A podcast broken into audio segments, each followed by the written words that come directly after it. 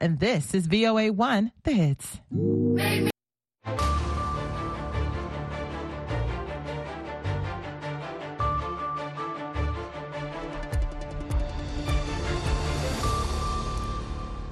halkani waa washington laanta afka soomaaliga ee v o a oo si toosa idinka imanaysa mawjadaha gaaggaaban ee lix iyo tobanka iyo sagaal iyo tobanka mitirban iyo bogga v o a somali com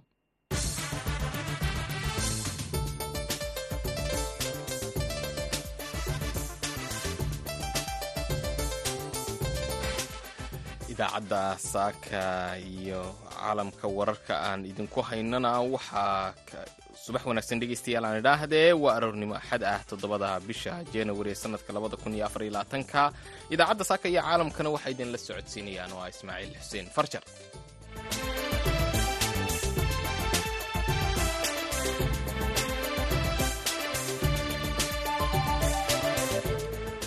qodobadaan idinku hayno idaacaddeenana waxaa ka mid a wararkii ugu dambeeyey ee doorashada madaxtinimada ee puntland oo la filayo in ay maalinta berri ka dhacdo garowe.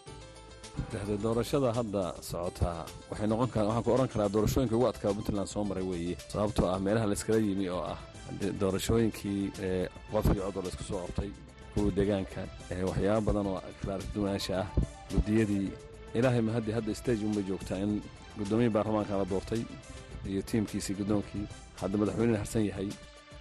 Maanta ayaa la filayaa in musharaxiinta isu diiwaan geliyey jagada ama u tartamay jagada madaxweynaha iyo ku-xigeenku inay khudbado u jeediyaan golaha baarlamaanka.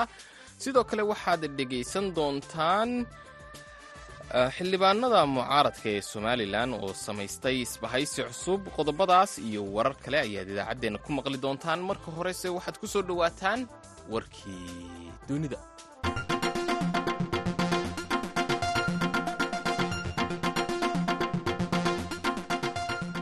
Haweenayda ra'iisul wasaaraha ka ah dalka talyaaniga ayaa la wareegtay xilka meertada ah ee dalalka g iyada oo sheegtay in muddada halka sano ah ee ay xilkan haynayso in ay diiradda saari doonto in ay kobciso xidhiidhka iskaashi ee ururkooda kala dhexeeya afrika halkii markii hore xoogga laga saari jiray dhinaca gargaarka oo keliya. Ra'iisul wasaare miloni ayaa sheegtay in haddii kor loo qaado heerka nolosha ee afrika islamarkaana taageero loo fidiyo dhaqaalaha afrika in arrintaasi ay hoos u dhigi karto muhaajiriinta u soo tahriibaya yurub qaramada midoobey ayaa sheegtay in sannadkii labada kun iyo saddex iyo labaatanka inay qaaradda yurub u soo tahriibeen in ka badan laba boqol iyo koob iyo lixdan kun oo qof kuwaas oo badankoodu sii maray dalka talyaaniga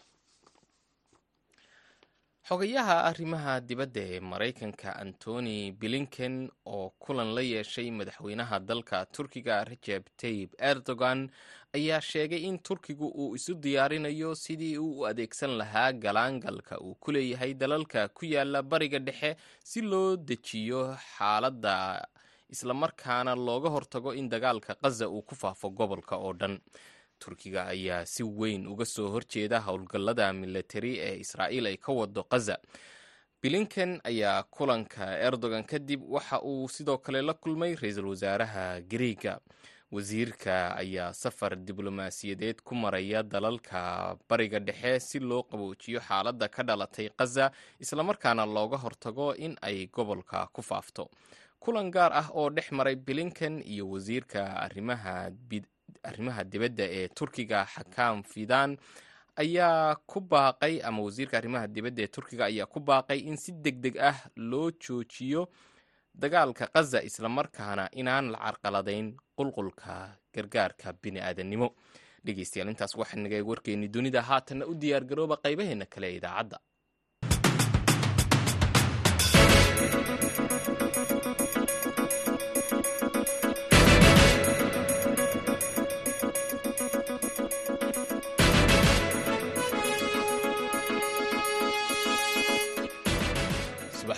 dhegeystayaal laanta afka soomaaliga ee v o a washington idinka imanaysa ayaad nagala socotaan.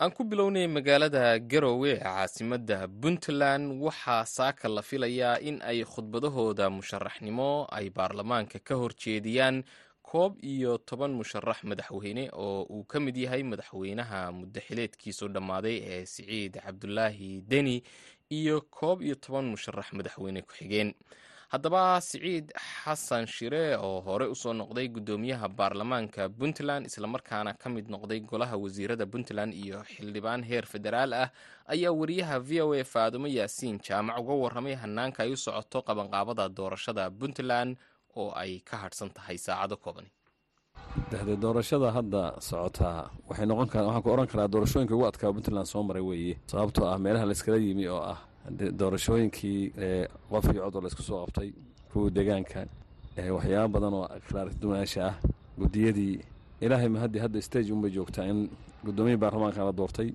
iyo tiimkiisii guddoonkii hadda madaxweynena harsan yahay. Galabtana musharaxiintii u dareereen howlka kow iyo toban musharax gashay. Saakana waxaa la dhegaysanayaa haddii alla idmo kow iyo tobanka musharax iyo kow iyo tobanka madaxweyne ku-xigeen raggaa marka laysu geeyo tiradoodu tahay laba iyo labaatanka. Saaka ayaa khudbadahooda dhegeysan doona haddii la idmo siciidow tartanka doorashadan muxuu kuula muuqdaa?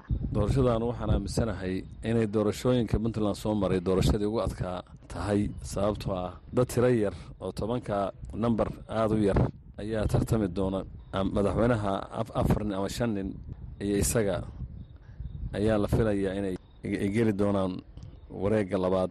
Wareegga labaad nambarkaa u gudbaayo oo inta badan saddex noqda qof iyo marmar haddii ay laba qof sinaato afar noqda laakiin inta badan sida la ogyahay saddex noqda? Yaa waxa adag saddexda nin u gudbaaya. Yaa adkaan doonta oo wareegga koowaad inay ka gudbaan. Waxaana khatar badan hadda aan dareem ay ka jirtaa inay doorashadan kaga duwan tahay. Mucaaradku badanaa nambar badan bay ahaan jireen. Tira badinaas waxay keeni jirtay madaxweyneha markaa joogan in jaalanj adag ku yimaado.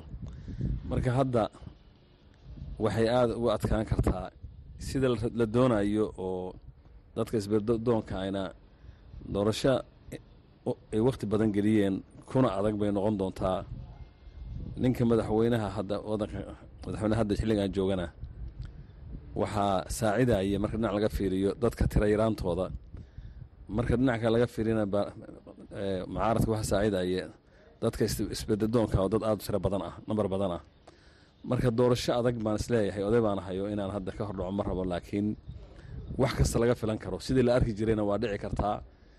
In si aan la arki jirin dhacdana waa dhici kartaa. Maanta waxaa la dhegaysanayaa khudbadaha kow iyo toban musharax madaxweyne iyo kow iyo toban musharax madaxweyne ku-xigeen ma laga yaabaa khudbadaha dadku inay ku qiimeeyaan ay jeedin doonaan oo ay saameyn ku yeelan doonto baarlamaanka baarlamaanka sidiisaba waxa weeye waa dhowr nooc qola cid taageersan saddex tiim ay baarlamaanka u bataan marka u horeyaba qayb bersadaha ka timaado bersadaha aadda oo nambar kooban oo cid taageersan. Dad qarsada qofkay taageersan yihiin laakiin qof inay taageeraan dad fara badan wax ka ballan qaada. Laakiin cidda ay wax siinayaan caddahay ma odhan karo cid walba soo mara. Laakiin waxaa kale oo iyana jira qolo saddexaad oo sida waddamada reer galbeedku ay sheegaan dadkaan codkooda caddayn. Dadkaasu nin walba waxbay ka ballan qaadaan waa nambar baarlamaanka boqolkiiba noqon karaa shan iyo labaatan soddon oo nambar yanaan ahayn ninkaas waxbay ka soo ballan laakiin isbeddel baa lagu samayn karaa. Nimay rabeen waa laga bedeli marka horka la galo. Khudbadaa waa ku qanci karaan saamayn badan baa lagu yeelan karaa. Waana dadka badanaa doorashada kala gooye oo wareegga labaad haddii la dhaafo wareegga saddexaad bay dadkaas wax taraan sababtoo waxay qiimeeyaan qofkay u arkaan. Ama ra'yi meesha dhexda ra'yigooda lagu bedelaa markaan si hufan u sheego oo wax kastaa lagu bedelo guuriyaha musharaxiinta ragga taageerayaasha oo bareeraha oo nin walba nin kula socdo la yaqaano iyo ragga ku dhow dhow waa nimanka wareega koowaad ka gudbaya madax qof kasta oo u baahan yahay baahi badan loo qabo. Wareega koowaad ninkii ka gudbaa wareega labaad u gudbaana waa wuxuu danaynayaa oo qudarayn inuu noqon doono ninka madaxweynahaas xilligaa joogo la tartami karo ee kursiga labadoodu ama ka heli kara ama uu ka heli karo. Marka waxaan is leeyahay doorasho aada u adag bay noqon doontaa oo isbedelna dhici karo aanu dhici karinna. Ma laga yaabaa musharaxiinta qaybtood in dhaqaaluhu reebo oo doorashadu ay ku xiran tahay dhaqaale? Labadaba waa dhici kartaa. Nin mudan inuu soo bixi karo haddii uu dhaqaalo haysto oo ninka madaxweynaha jooga iyo kuwa tartamayaba kursiga uga mudani inuu dhaqaalahaan u haro waa suurtogeli kartaa. Laakiin doorashadu dhaqaale keliya kuma xirnaa doorashadu waxay ku xihan tahay saaxiib bay ku xihan tahay. Qof la qiimeeyo cusub bay ku xihan tahay. Kan hore dadka taageerada u hayaa qiimeyntooday ku xihan tahay. Wax mar baa la kala qiimeyn karaa qofka jooga iyo qofka isu soo haraan in la qiimeeyo. Marka waa dhaqaaluhu qeyb buu ka yahay doorashada puntland war xaqiiqa weeye sababtoo ah dee wuxuu qeyb uga noqon karaa baahida waddanka qofka ee markaa jirta iyo shuruudaha qofka lagu xiro laftiisa. Qofka xataa isagooba uma baahan inuu qof fiican doorto ama qofka kursiga la jecel baa laga yaaba shuruudda inuu dhaafi waayo maadaama qof muslim ayaa lagu xiro. Qabanqaabooyinkii doorashooyinka hore ee puntland soo maray. Hadda madaxweynihii toddobaad baa la dooranayaa u diyaargarowga dhinaca amniga qabanqaabada doorashada habka waxu socdaan marka laysbarbar dhigo kuwii hore. Iyo tan oo maalinba maalinta ka dambeysa ilbaxnimadu sii kordhayso. Maxaad oran lahayd? Waxaan is leeyahay markaan soo koobo waa doorashadii ugu tabar darayd oo puntland ka dhacda in doorasho waqtigeedu ciriiri yahay go'aamo adag oo laysaga horyimi laysaga tanaasulay wakhtigeeda koobnaa ilaa iyo saacadii u dambey muran ku jirtay waayo wakhtiga kooban iyo shaqada la qabtay iyo inta say u socotayna aad iyo aad baan aaminsanahay inay shaqo wanaagsan u tahay. Weliba dadkaas waa ku ammaanaya hadda shaqada haya kaasi waxa uu ahaa siciid xasan shire oo hore u soo noqday guddoomiyaha baarlamaanka puntland faadimo yaasiin jaamac ayuu u warramayy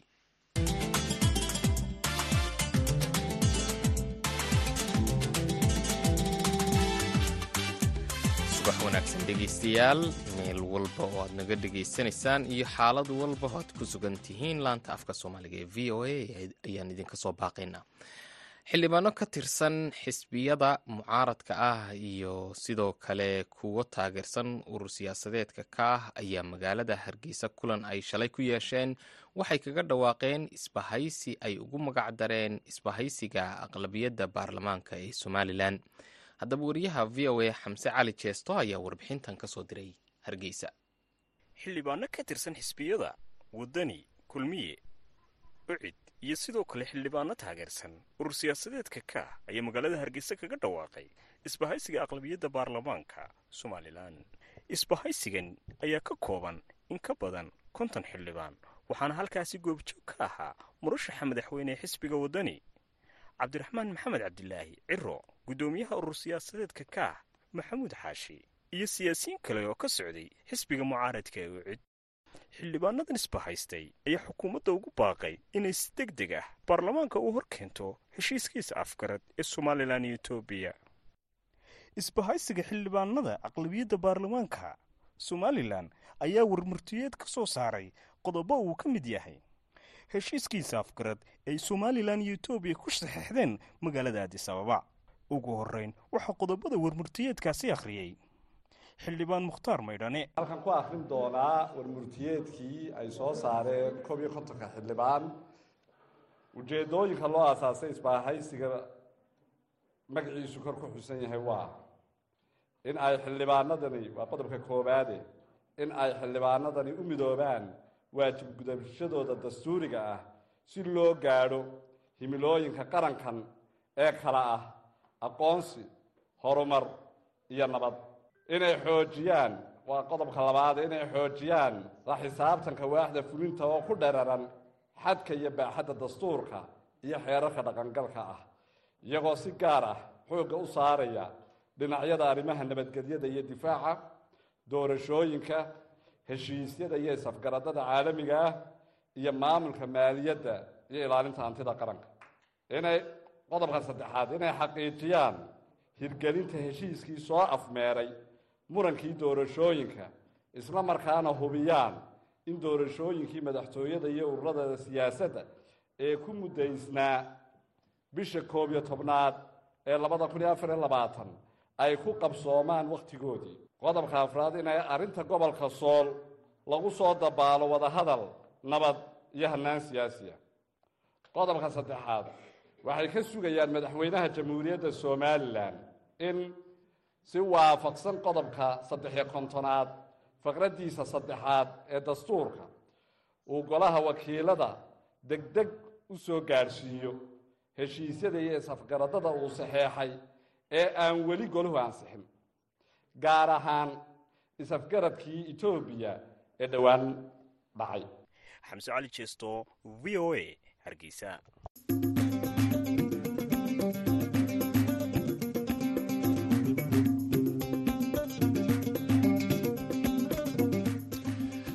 subax wanaagsan dhegeystayaal laanta afka soomaaliga ee v o eed nagala socotaan. Qaadku wuxuu ka mid yahay maandooriyaasha dhibaatooda badan ama dhibaatooyinka badan ku haya bulshada soomaalida. Magaalada jigjiga waxaa lagu soo bandhigay buug si faahfaahsan loogaga sheekeeyey qaadka iyo dhibaatooyinka caafimaad ee uu bulshada iyo shakhsiyaadkaba u leeyahay. Qoraaga buuggan doctor axmed nuur maxamed ayaa sheegay in buuggan uu qoray kadib daraasad uu muddo dheer ku sameynayay qaadka wariyaha v o a jigjiga maxamed cabdiraxmaan gaata ayuu u waramay bugan wuxuu ku saabsan yahay balaayada caleenta cagaaran ee jaadka la yidhaahdo ee afaadka ay leedahay buu ku saabsan yahay oo si qoto dheer iyo dabagalba ah aan uga qoray wax. Waa tahay doctor. Maxaad ku dooratay in aad qaadato ama aad ku xulatay magacan miryaqaan qaadku sidiisa mamajaadku siday soomaalida u taqaano waxa weeyaan waa aafo habeenkii o dhan lagu soo jeedo. Maalintiina waxa weeyaan waxay leedahay raacitaan la ysu raacanayo. Xoolihii xalay la gubay inta badan dadku waxay jeebka ku hayeen way dhammaystaan. Kadibna meeshaas qaan bay kala tagaanoo maalintiiba haddana qaan loo qaataa taas waxaan u doortay inuu yahay wax habeenkiina oo dhan reerka lagaga maqan yahay oo la miranayo sida geela. Maalintiina daalac laysu raacanaya hase yeeshee kelimada sideed waa kelimad oroma ah weeyaanoo mirqaana baa la dhahaa. Waxayna ka soo jeedaa sakhraan bay u dhigantaa af carabiga. Waa tahay doctor dabcan waxaa tiri buuggan mir iyo qaan. Waxaad u qaatay kadib markaad aragtay caqabadaha iyo dhibaatooyinka jaadka uu bulshada ku hayo deegaanka. Muddo intee leeg ayay kugu qaadatay qorista buuggan inaad markaasi dhammaystirtay buuggan horta koleyna sababaa jiray igu kalifay inaan aan dabagalo. Sababahaas baa hor mood ama ka noqday igu kalifay inaan dabagal ku sameeyo waxayna ahayd labadii kun iyo shan iyo tobankii muddaha hadda sideed sano laga joogo. Laakiin sideed sano sannadkii ugu dambeeyey oo dhammaaday buu dhammaaday isaguna marka toddoba sano iyo waxoogaa ayuu igu qaatay buuggaas inaan qoro oon meelo u safro oon bugaag u iibsado oon wadaba badan ingiriiska maxay ahayd maktabadiisa weyn ee british national library la yidhahdo iyo maraykanka jaamacadaha. Wixii af ingiriis iyo carabi bowgiile oo jaad ku saabsanaa iyo bugaagta ay yemantu qortay iyo soomaalidu kuway qoreen intaba iyo kuwa etoobiya laga qoray iyo kuwa kenya laga qoray intaba oo ingiriis ku qoran kuwaasba kuwa yeman mooyeen iyo kuwa soomaalida af soomaali ku qoran intaaba waxay ahayd dabagal aan sameeyey iyo dadaal aan maxay ahayday meelo badan aan u tegay toddobadaas sano waxaan dabcan waxaad sheegtay inaad daraasado fara badan aad samaysay meelo badan lagu tagtay si aad markaa u ogaato waxyaabaha laga qoray qaadka. Dabcan daraasadahaas maxaa ka soo baxay? Daraasadaha xogta dhabta ah waay bugaagta marka la qoro gaar ahaan dad schoolara oo aqoon-yahan ay qoraan inkastoonan isku tirinaynin waxaa waxaa ka soo baxa natiijo wax la yidhaahdo iyo gunaanad. Marka gunaanadkaas natiijo iyo wuxuu leeyahay iyo nuxurkii dadka aad u sheegaysa oo ah waxa weeyaan tala bixin iyo tala soo jeedin. Waxa weeye iyo sidii dhibaatada markaa taagan lagaga gudbi lahaa marka natiijooyinkii aan ku arkay xagga diimeed xag dunyay u qaybsan yihiin buuggana ku qoran yihiin. Isagoon ahayn cutub mawduuca gaarka ee gunaanadka buugga ihi cutubyadoo dhan buu ka dheeryahay mid kale tala bixinta iyo iyo waxa weeyaan iyada nafteeda dhowr iyo labaatan baal baan ku soo gabagabeeyey soddon qodob oo talooyinna waan soo jeediyey ay ka mid tahay in hay'ad la sameeyo. Sidii looga hortegi lahaa dadkana shaqo abuur iyo naadiye iyo meelo kala duwan u samayn lahaa iyadiyo dowladda la isu kaashan lahaayeen. Doctor adigoo mahadsan ma jiraan wax bugaag kale oo aad soo wado dhowaan. Bugaag kale way jiraan hadda labaan gacanta ku hayaa mid carruurta qurbaha joogta baan rabaa af soomaaliga inaan ugu dejiyo ay si af soomaaliga u bartaan. Far iyo af baan u bixiyey kaas. Magacyada ka koobanna waa bugaagtayda waxyaabaha lagu garan ogyahay bay ka mid tahay doorasho? Iyo gaarahoo mir iyo qaan iyo tix iyo tiraab iyo far iyo af iyo iyo buug kaloo isaguna la yidhahda qaxa iyo milan. Soomaalida way qaxday wayna ku milmeen waddamadii tageen soo jireenna way ahayd arrintaasu taariikh fog bay leedahay. Waxayna waxaad moodaa dabada ku yar haysaa maamaadoodii ahayd. Haddaad meel il laga layahay tagto. Ishaa layska ridaa oo iskaga darmadaan dadka meeshaa jooga. Marka buuggaasuna waa buugaan raba ummadda qurbaha tagtay. Inayna ku milmin ummadahaas kale oon uga digo. Waa tahay doctor kolley ma aha markii koowaad ayaan filayaa in wax laga qoro qaadka iyo dhibaatadiisa. Dabcan waxaa jiri kara bugaag hore looga qoray. Marka buuggaagan muxuu kaga duwan yahay bugaagtaas kale? Bugaag badan baa laga qoray soomaalidu. Runtii waagaan soo daabacaya buug war hargeysa ku soo laba buug baan soo gatay oo markaan buuga dhameeya markaan fiiriyey midkoodna ma lahayn yani xigashada meeshuu celinayo wuxuu qorayay ilbeyt laga soo bilaaba buuga bilowgiis ilaa dhammaadkiisa. Waxaa laga yaaba mar dambe yidhaha waxaa meelahan ka soo xigtay oo xaggee ahayn ma garanaysa. Taas waa cilad laga yaaba inay bugaagta ay ku jirto oo buugan si akademiga loo qoray sida loo qoro bugaagta cilmiga. Ah taas waa mid mid kale bugaagtu bugaag qiimo badan baa ku jira sida buugga hadimada jaadka oo kale maxay ahayde hargeysa lagu daabacay. Hase yeeshee wuu kooban yahay. Qaybaha uu ka kooban yahayna waa wuu fiican yihiin sida kiimikada qaadka iyo taariikhda aad iyo aad buu si xeel dheer ahoon cidna ruux walba u qirsan yahay inuu mug leeyahay iyo meelba uu gaadhay. Hase yeeshee waxaa ka maqan dee buuggan afar iyo toban cutub weeye. Waa mawsuuco weeye isagu buuggan. Waxaa weeye waa buug buug gacmeeda oo haddana marjica weeyaan oo yani waxaa cuduradii iyo waxyaabihii la rabay in jaadka laga hadlo oo dhan aan is leeyahay intii tabartayda waan dadaalay. Waxa weeyaan markii dadka arka ayaa garanaya afar iyo tobanka tubuc waxay kala daaran yihiin iyo saa darteed buu yuu ka mugwan yahay. Buwaagtii kale hoos ahaanna kuwa badan buu ka xeel dheer yahay baadhitaan ahaanna. Ugu dambaystii dhaktar su'aashaan ku weydiinaya waxay tahay inta badan dadka soomaalida kuma fiicna ama ahmiyad ma siiyaan akhriska. Marka maxay tahay talada aad u soo jeedin lahayd? Akhrisku waxa weya runtii nolosha ayuu ka mid yahay. Waxa weeyaan inuu ruuxu wax barto kulamad wax akhriso markaasood wax akhrisato cilmigaaga ayaa kordhaya biniaadanka ixtiraam inay ku ixtiraamaan baa kordhaysa. Inaad adduunya ku heshana waaba laga yaabaaba waxaasoo dhan baa suuragala. Markuu akhriska bilaabo uu akhriya dad baa ku dayanaya. Dadkii in wax gato buwaagta iibsado ayay haddana raacaysaa ummaddii marka inay jahligii ka baxaan jahligan oral society waxa ingiriiska loo yaqaano dad un hadal ku nool ah oo hadal dhegaysta ah. In laga gudbo oo ruuxu wuxuu isagu taabtay uu arkay uu akhriyey oo u gudbo uu meeshii buug uu ku arka soomaaliya oo ruux soomaali wax qoran uu markaa ku dhiirado inuu ka iibsado kadibna aqoontiisii kordhiyo ubadkiisii u kordhiyo wax cusub uu barto wax cusubna berita uu qoro isaguna saasay ayaa laga faa'iidaya kaasi waxa uu ahaa doctor axmed nuur maxamed oo jigjiga ugu warramaya wariyaha v o a maxamed cabdiraxmaan gaata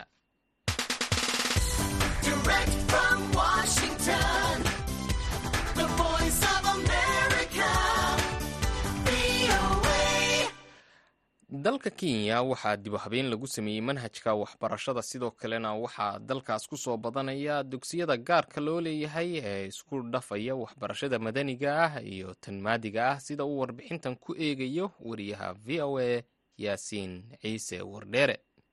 Ilaa sanadkeenu ka soo gudubnay waxaa habeyn lagu sameeyey manhajka waxbarashada ee markii hore ahaa sideed afar afar oo dugsiga sare ilaa dugsiga dhexe looga bixi jiray kaasi oo haatan dibu habeyn lagu sameeyey. Waxaa kaloo ku soo korray waxbarashada dadaalka iskuulaadka gaarka loo leeyahay gaar ahaan dadka soomaalida ee qurbaha ka soo noqonaya iyo kuwii hore u joogay iyadoo laysku dhafayo diinta iyo markaasi manhajkii caadiga ahaa oo lagu daray. Dadka iyagu afafka kale wax ku soo bartay sida british systemka in laga faa'iidaysto. Calin school oo ka mid a iskuulaadka casriga ee goonida loo leeyahay oo dib u habeyn weyn lagu sameeyey dibna loo furay xalay ayaa waxaa ka soo qayb galay mas'uuliyiin aada u fara badan oo iyagu markaasi aada u bogaadiyey dadaalka waxbarashada ee ka soconaya waddanka kenya. Maamulaha guud ee iskuulka calin doctor maxamed tayib ayaa tilmaamay in iskuulku yahay mid ay bulshadu leedahay lana doonayo inay ilaashadaan. Iskuulkan yaa iska leh waalidiintaa iska ardaydaa iska leh deriskaa iska leh xaafadan baa iska leh kor haddii loo socdo dee dadka degan magaalada nairobi nawaaxigeeda ayaa iska leh iskuulkan haadi xaqiiqa qofka asaasay male waa fikir yar oo uu ku darsaday wey iskuulkan maadaama idinku leedihiin waxaa laydinka rabaa iskuulkiina marka inaad horumarsataan waxaa kaloo la rabaa inaad mulaaxadaadka iyo wixii horumar ahaana aad xafiiska hoos u sheegtaan aad xafiiska timaadaan ood sheegtaan aniga ii sheegtaan nin walba oo ka mid ahaa u sheegtaan maamul ka mid ahaa. Walaalayaal intaana waxaa weeye iskuulku maadaama kiini yahay waxaa laydinka rabaa inaad waardisataan ood hormarisaan ood qaadataan mas'uuliyaddiinana aad qaadataan. Sidaa darteed calin school idinkaa iska leh. Innaga ayaa iska leh.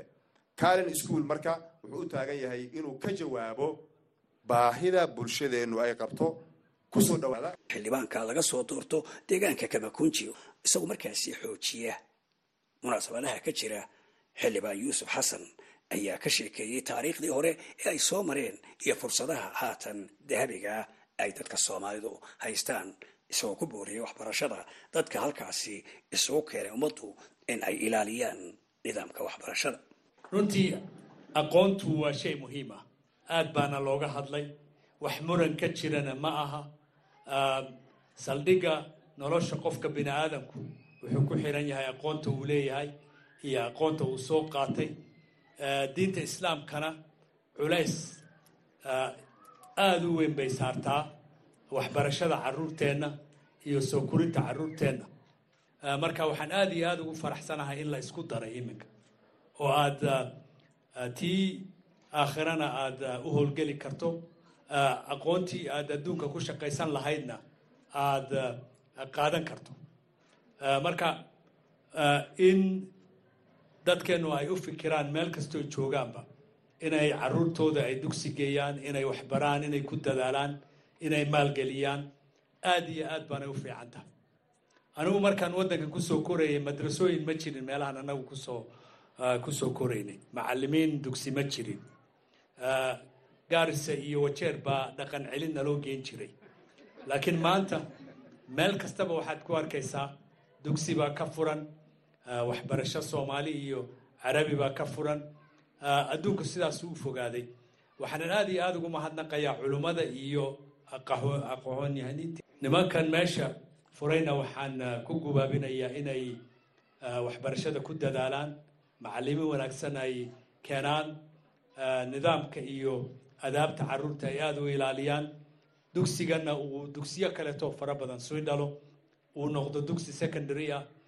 Marka dambena haddii aan sida aan ku soconno magaalada nairobi waxbarashadii dugsiga sare sare ay u kacaysaaye jaamicado fara badan oo kalena waan u baahannahay oo caruurteennu ay sii galaan oo diinta islaamka iyo nidaamka diinta islaamka ku dhisan. Waxaa iyaguna dayaafadaasi ka hadlay sheekh bashiir salaad iyo doctor saalax oo ka mid a culimmada waaweyn ee dalka soomaaliya. Yasiicse wardheere v o a nairobi. Aad buu mahadsan yaasiin ciise wardheere haatanna dhegaystayaal waxaa idinku soo maqan hees ay si talantaaliya ugu luuqeeyaan fanaaniinta asmaloof iyo nimcaan hilaac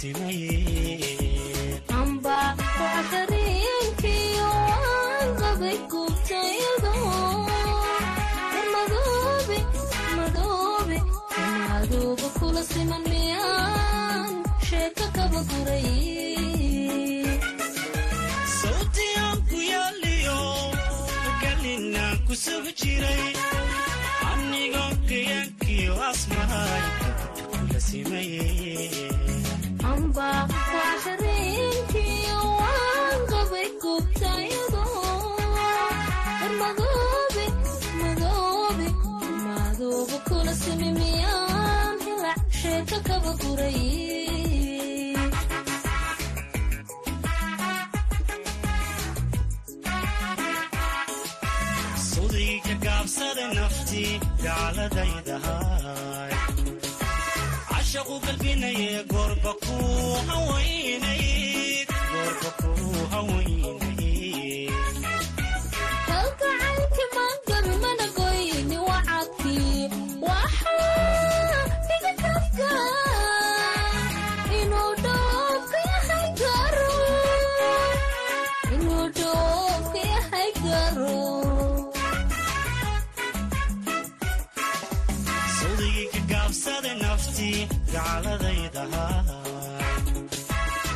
cashaqu galbinaye goorba ku hawaynayd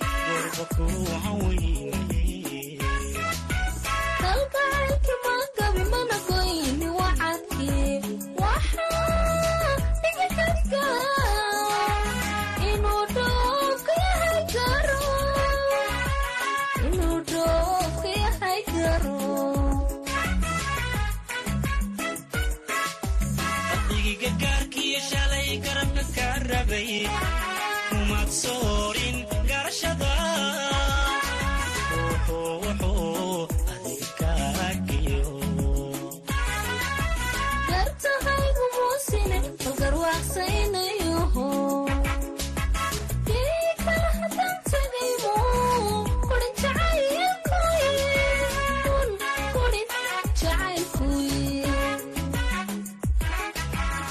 muugurin jacaylkii asmaloof codkeedaas iyo nimcaan hilaac. Waxay gabagabo tahay idaacaddeenii subaxnimo tan iyo intaan idaacadda. Xigta ku kulmayno waxaan kaga tegaynaa sidaas iyo ismaqal dambe oo xiise leh